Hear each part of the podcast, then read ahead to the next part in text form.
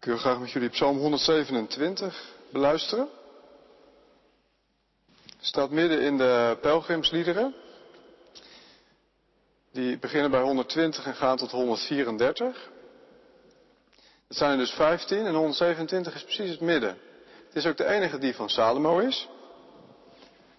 En voor deze psalm zijn er twee die van David zijn in die pelgrimsliederen en hierna ook. En de naam van de Heere God, die, die godsnaam, waarin hij zichzelf openbaart, die komt precies even vaak voor in de psalmen voor en na deze psalm 127. Dus de schrijver, de Heilige Geest, die, en die geeft het ook heel precies aan ons. Dit is het midden van het verlangen van de, van de pelgrims.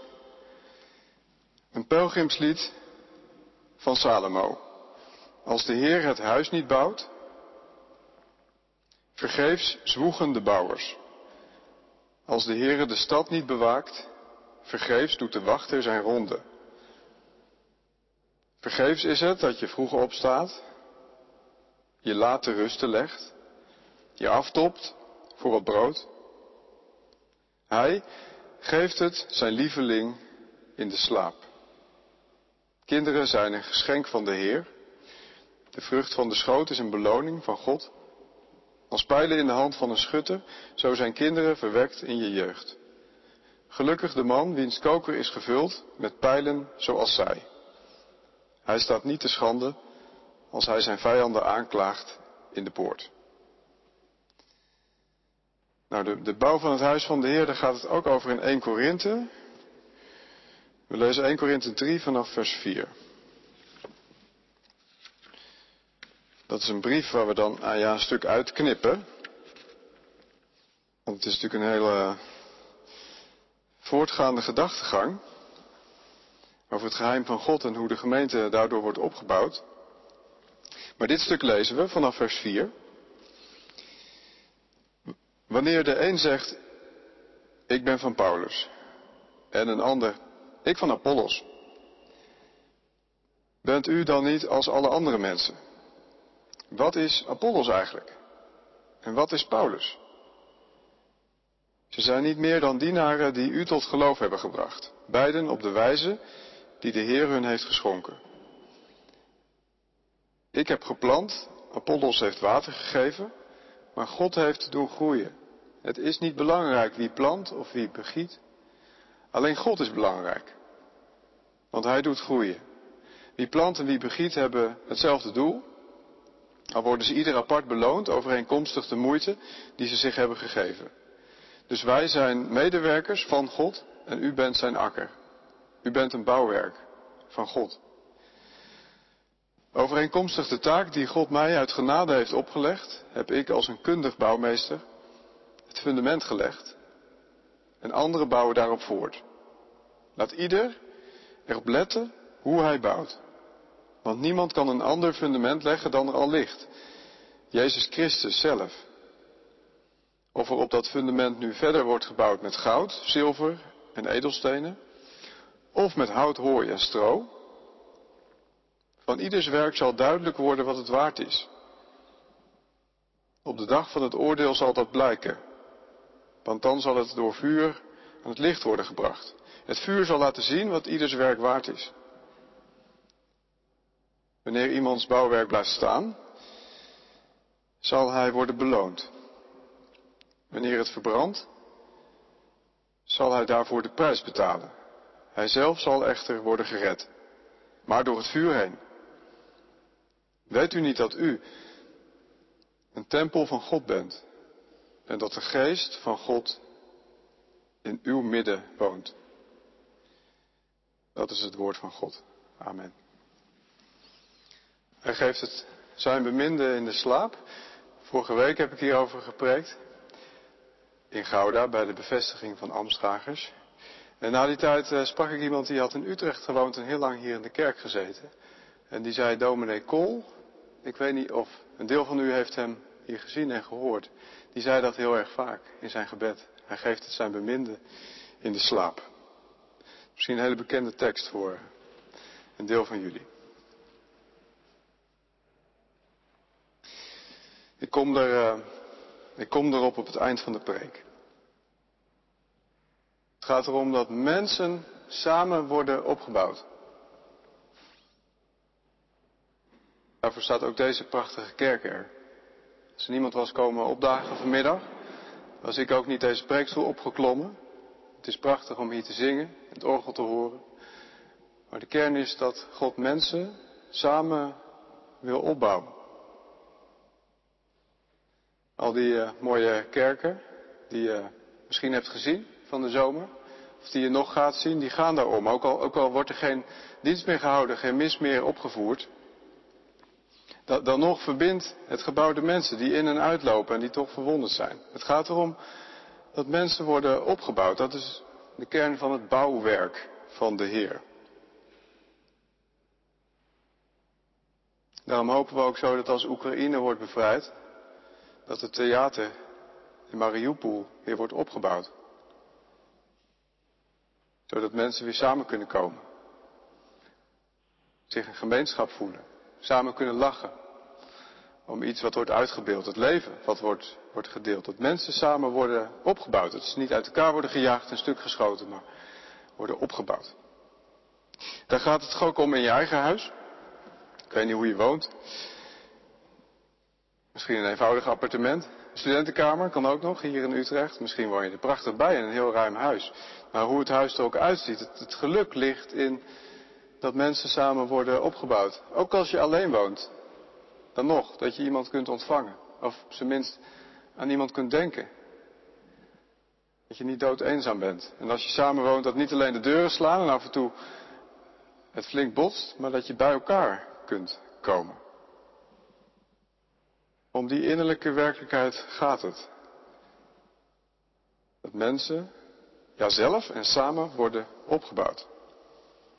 Dat, dat is de kern van het werk van de Heer. Dat, dat, dat is waar Psalm 127 ook over gaat. Het zijn liederen om naar de tempel toe te gaan. En dan denk je van ja, ze maken allemaal die lange reis door de heuvels naar Jeruzalem toe. Want ze willen die tempel bewonderen.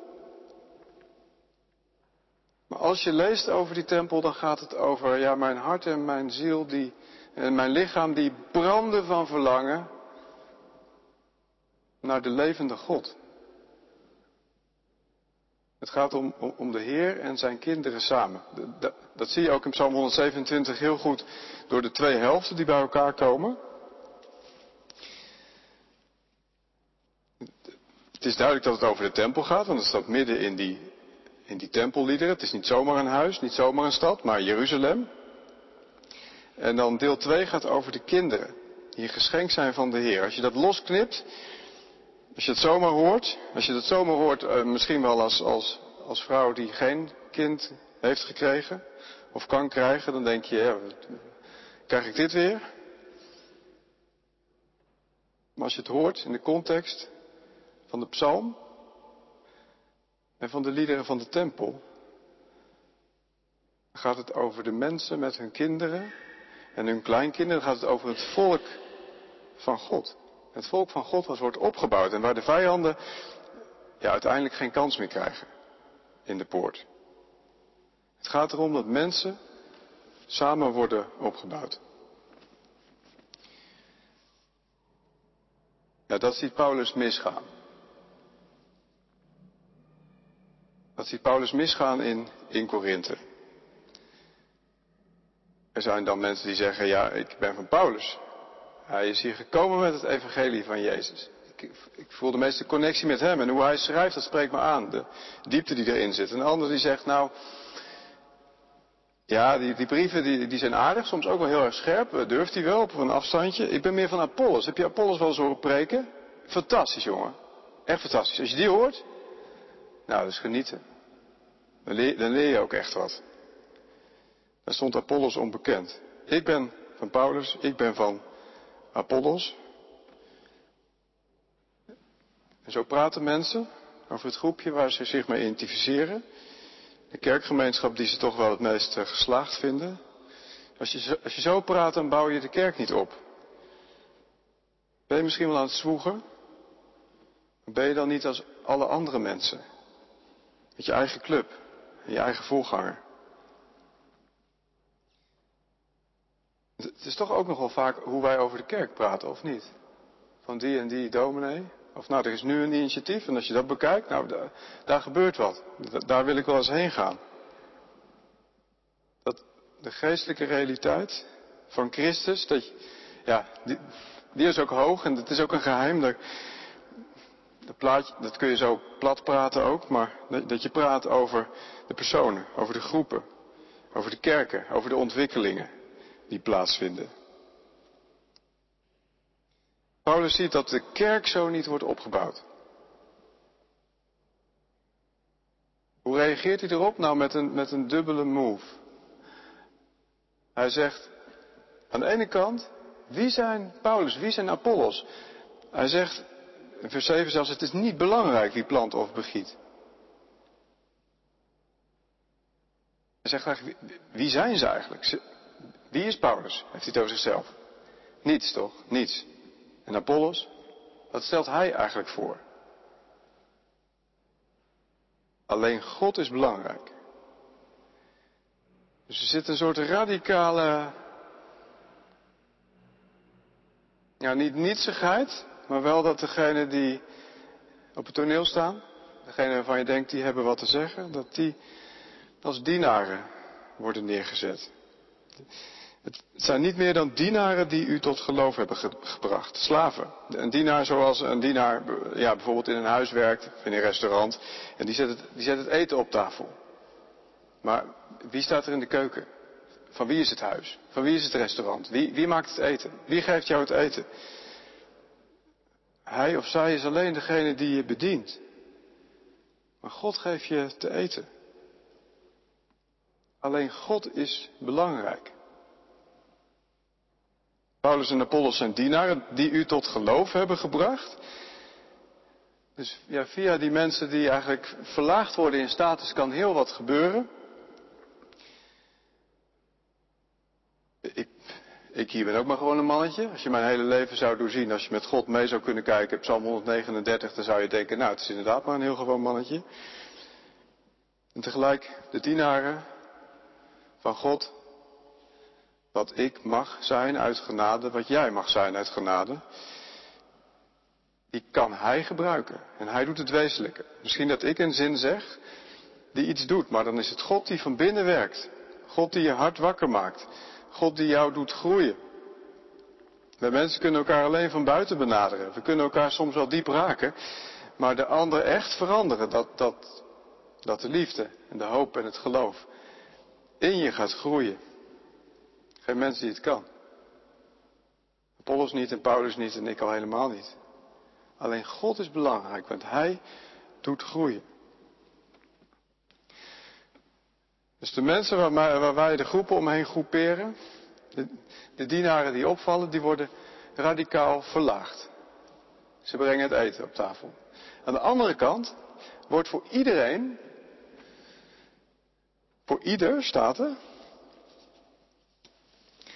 dat staat er een paar keer. Als je naar de tekst kijkt, het woord ieder staat bijvoorbeeld in vers 8. Maar ook als het gaat over het fundament dat Paulus heeft gelegd, waarop wordt voortgebouwd, staat aan het eind van het vers laat ieder erop letten hoe hij bouwt. Niet alleen de apostelen en de evangelisten, maar, maar ieder die in de, in de kerk is. Bij de gemeenschap hoort van Christus. En dan is de inzet hoog. Dan kan ieder iets doen op het fundament van Christus. Ieder kan iets doen wat stand houdt. Wat de moeite waard is. Wat eigenlijk voor altijd de moeite waard is. Wat niet afbrokkeld en vergeten wordt in de geschiedenis, maar wat blijft. Iedereen kan iets doen wat blijft. Of je kunt iets doen wat eigenlijk, nou ja, als God er naar kijkt, zo weg is. Je kunt op dat fundament van Jezus Christus verder bouwen met goud, zilver en edelstenen. Of met hout, hooi en stro. Ik las eerder eigenlijk die tekst altijd zo dat er stond van, ja, er zijn nu, nu eenmaal allerlei materialen, van goud tot en met stro. Ja, het is nou eenmaal verschillend van kwaliteit. Ja, mensen hebben ook verschillende dingen in te brengen. De, de, de, de een heeft nu eenmaal meer gaven gekregen dan de ander. Maar dat staat er niet. Er staat met goud, zilver en edelstenen. Dat, dat is de ene mogelijkheid. of met hout, hooi en stro. Ik heb nog even opgezocht, ik ben geen scheikundige. Iemand van jullie weet vast meer van dan ik. Maar goud, het gaat smelten bij 1075 graden. Of 1096 uit mijn hoofd. Zilver ook bijna 1000 graden. En stenen, edelstenen, nou we, kennen, iedereen kent lava. Het, het steen uit de aarde, dat stroomt. Maar hoe heet je het ook maakt in het vuur, het kan smelten, maar het blijft goud, het blijft zilver, het blijft steen. Terwijl ja, als de fik in, de hout, in het hout komt, kan het ook lang branden en heet worden. Maar dat brandt op en hooi en stro nog veel sneller.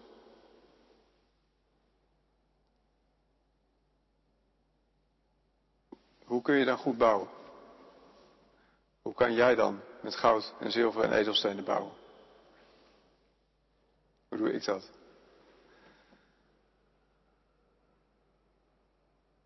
Ik denk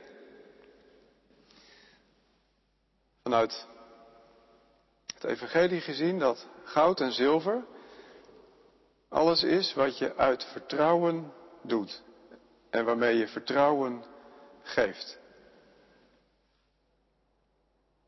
Vertrouwen en geloof, dat is de kern.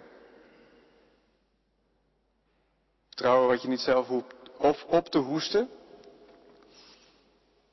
maar vertrouwen dat ontvlamt aan de trouw van Jezus Christus. Die, die jou vertrouwen geeft, omdat Hij zegt, ik heb alles voor je over, ik sterf voor je. Hij geeft je vertrouwen omdat Hij een liefelijk aangezicht heeft. En hij wordt kwaad om alles wat niet klopt, maar hij, hij wil ervoor sterven, zodat je leeft. Als je Hem ziet, ja, dan brengt hij het vertrouwen eigenlijk heel dichtbij. Dan brengt hij je tot geloof en tot vertrouwen.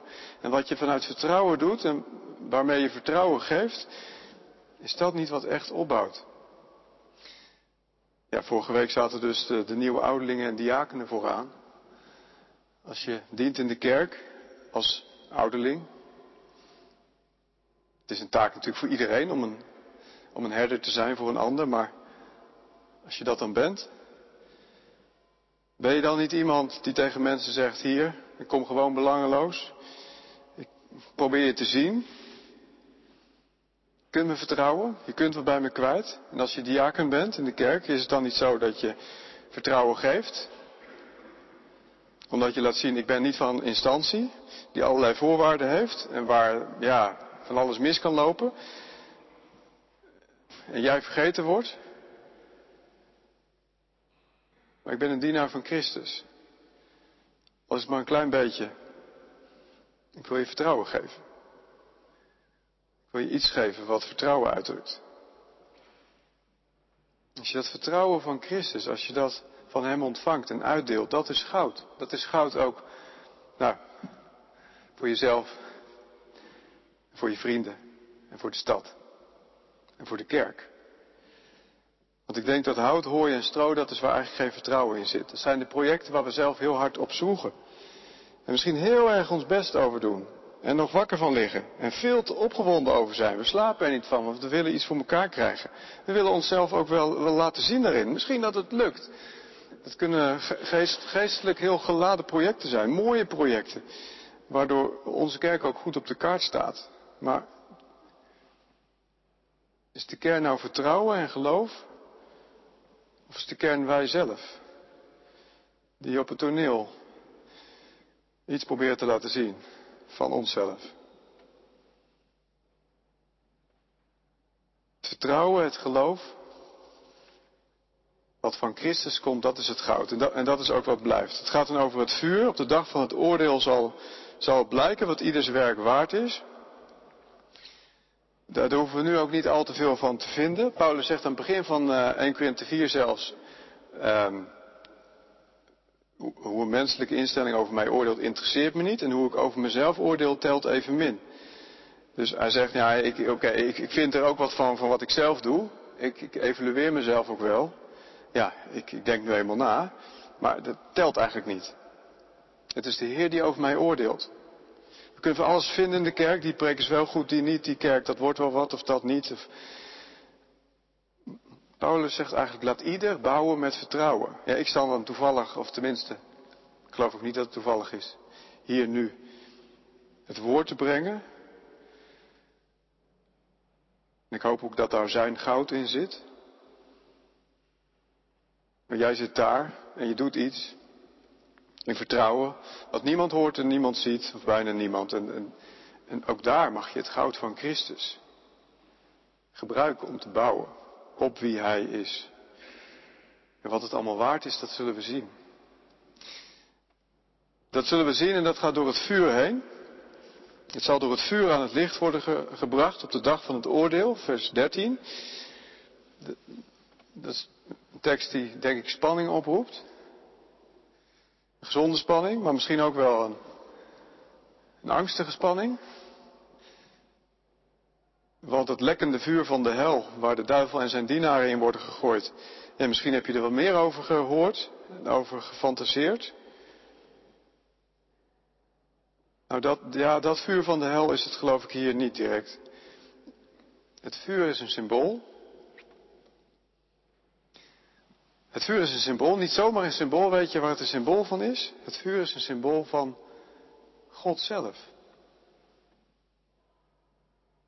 God zelf, die brand van liefde. Die één en al leven is. Die, die zichzelf opbouwt door de Vader en de Zoon en de Heilige Geest in, in hun leven. Is voortdurend liefde en trouw aan de ander. Het, heilige vuur van wie God zelf is. Als dat komt, dan zal alle ontrouw wegbranden. Het zal laten zien wat je, wat je waard bent. Nu, nu ontmoet je God indirect. Nou, meestal, heel, meestal indirect. Ja, misschien wel altijd. Via, via een woord in een boek. En de, de, de, letters die vlammen lang niet altijd van de bladzij af. Je kunt het ook heel rustig lezen en, en weer dicht doen en terzijde leggen. Je kunt je Bijbel weggooien als je wilt. In de wereld ontmoet je God ook indirect in je naaste. Dat kan je heel erg raken, maar die naaste nou, kun je ook weer van weglopen. Van die ogen, van die ogen van Christus. Die naast je zijn. En, en de wereld om je heen, die glanst van de glorie van God. En soms zie je dat en voel je dat heel goed, maar het is ook indirect.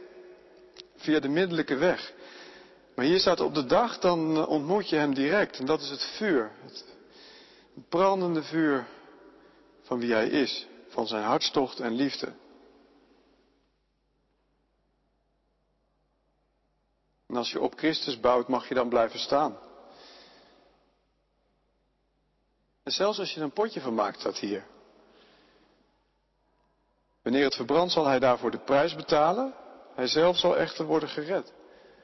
Het is geen aanmoediging om te denken van nou maakt niet uit. Er staat wel door het vuur heen. En het beeld is eigenlijk van nou je wordt er net uitgerukt. Het gaat net.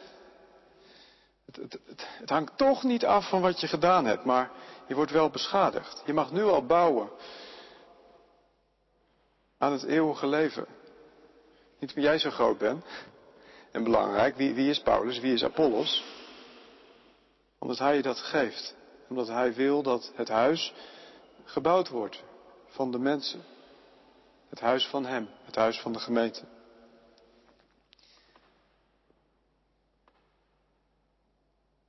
Dat is de move die de apostel maakt. Van het downplayen van wat grote mensen doen, grote mensen. En het verhogen van de inzet voor een ieder. Om uit vertrouwen werkelijk iets te doen. Wat het er doet voor altijd. Uit geloof. En nou mag je dat ook doen met rust. Niet opgejaagd. Met rust. Bij dat zo vaak geciteerde vers, hier in de Jacobikerk in het verleden, wil ik uitkomen. Hij geeft het zijn beminde in de slaap. Het mooi dat het in deze psalm zo staat. Zijn beminde, dat is je dit, ja, of je dit. En Salomo, toen hij geboren werd, was natuurlijk een kind uit Batseba. Het, kind voor hem wat Batseba kreeg was gestorven, omdat het ja, gestorven was uit de, de zonde van David. En toen kwam Salomo uit een relatie van ja, een relatie waar een schaduw overheen ligt. Salomo, met hoop werd hij vrede genoemd. En toen kwam de profeet namens God kwam zeggen. Weet je welke naam Salomo nog meer krijgt? Wat zijn doopnaam is? Jedidja.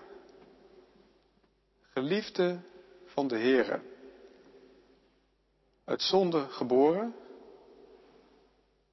En geliefde van hem genoemd. Door God zelf. Ja, daar zit al iets in van de rust, van, van het evangelie. Hij geeft, hij geeft het zijn beminde in de slaap. Letterlijk staat er eigenlijk, hij geeft zijn beminde slaap. Niet in de slaap, maar slaap. En volgens mij mag je dat ook wel letterlijk nemen. Vorige week zei ik dus in Gouda dat ik het zo goed vond dat de kerkraadsvergaderingen altijd om tien uur zijn afgelopen. Bijna altijd. We kunnen ons soms zo druk maken en denken we moeten er nog een keer doorheen. Ja, we mogen het, het, werk doen voor de Heer, ook op andere plekken.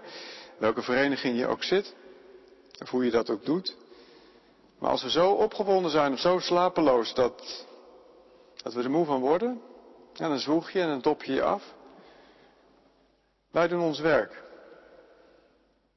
En nemen een besluit. We doen wat. En we, gaan, we gaan naar huis. En we gaan slapen. En we geven het over aan de Heer. Hij geeft zijn beminde slaap.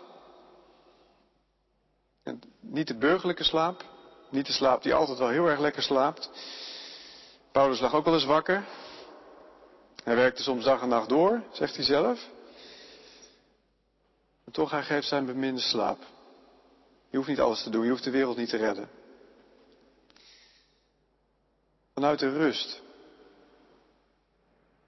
Voordat ik echt bij het eind kom in Gouda speelt ook nog een dingetje waarvan ik me afvraag of het wel hier speelt. Ik, ik ben nu in de gemeente, er zit best wel een evangelische drive in. Hebben jullie die ook of niet? Dat jullie soms willen gaan staan en de Heer prijzen. Dat vind ik wel mooi. Dat vind ik ook wel aanstekelijk ergens. Ik denk, ja, dat is ook een stroom in de kerkgeschiedenis die, die zegt ons wel wat. Maar ik heb dus in mijn, uh, ja, mijn gang als dominee op verschillende plekken ook meegemaakt dat er uh, ja, grootse plannen waren. Voor het dorp en voor de stad. En dan gingen we iets doen met elkaar. En dan gingen we iets organiseren. En dan gingen we bidden met elkaar. En dan, nou, als we dat in geloof zouden doen, dan, dan werkt God toch? Ik herinner me in een Gronings dorp waar ik, waar ik werkte dat we een filmavond gingen organiseren. Het was, het was een wat beroerde Amerikaans-christelijke film. Ik dacht al van, nou wordt dat wat. Maar goed, sommigen geloofden dat het halve dorp zou komen. Misschien zijn wij wel het hier, zoals we hier vanmiddag zijn, een beetje tegendeel. En zien we wel. Zien we wel wat God doet. Kunnen we rustig afwachten. Maar ik denk dat dat ook zeker in het evangelie zit. Er zit drive in om wat te doen, echt wat te doen. Maar ook zit er rust in. Iets van kleine groepjes. Die samen wat doen, die samen wat lezen. Die samen bidden en weer naar huis gaan en gaan slapen. Wat Jezus eigenlijk zegt over de landbouwer die aan het werk is, die ook zwoegt overdag, echt wel wat doet. Maar die ook naar huis gaat en gaat slapen. En hij slaapt en hij wordt wakker en hij slaapt. En op een dag wordt hij wakker en dan ziet hij de sprietjes omhoog komen. Het is gebeurd zonder dat hij het zelf deed. God geeft de groei. God geeft de groei. Dus zet je in voor de Heer vanuit het vertrouwen van Christus. Ga ook rustig slapen. En wacht ook af van wat je ziet opkomen. Want in de slaap krijg je het mooist. Dat, begint de Bijbel mee. Als je de Bijbel goed leert lezen, dan weet je. De mens die gaat slapen, die krijgt het allermooiste. God heeft een geweldig panorama gemaakt, de schepping als een huis om in te wonen. Zijn werk, met een stuk grond waar je op kunt staan, een hemel waar je onder kunt ademen, struiken, bomen die opkomen, bloeien, bloemen die gaan bloeien, uh, dieren, vogels, vissen. Adam geeft ze allemaal namen, hij mist nog wat. En dan gaat hij slapen. En als hij wakker wordt, dan ziet hij toch het allermooiste van de hele schepping. Dan begint hij te zingen. Dan heb je de eerste poëzie. Dit is vlees van mijn vlees, gebeente van mijn gebeente. Dan, ik weet niet wat hij precies zag, maar hij zag Eva. Hij zag zijn vrouw. Daar werd de mensengemeenschap opgebouwd door de Heer, vanuit de slaap. In de slaap geeft God het mooiste. Toen Christus ging slapen, was het geen rustige slaap zoals Adam. Zijn doodslaap slaap ging gepaard met veel pijn. Hij was geslagen, veracht, uitgestoten uit de mensengemeenschap en opgehangen aan een kruis. En hij vol, heeft dat werk volbracht, helemaal. En toen werd er een speer in zijn zij gestoken en toen kwam er water uit en bloed. Levend water. Bloed, wat leven is, leven, dat hij geeft, de kerk, de kerk die geboren werd uit de zijde van Christus. Jij en ik die geboren worden, die nieuw leven krijgen, die je dit jaar worden, lieveling van de Heer. Niet door hard te bouwen, maar vanuit de doodslaap van Christus. Vanuit het sterven van Hem, onze heiland, wordt de kerk gebouwd en daar mag je in rusten. Daar mag je op vertrouwen, daar mag je in werken, daar mag je in rusten. En als je dat doet, ja zo, zo worden mensen echt samen opgebouwd. Op het fundament van Jezus Christus zelf. Amen.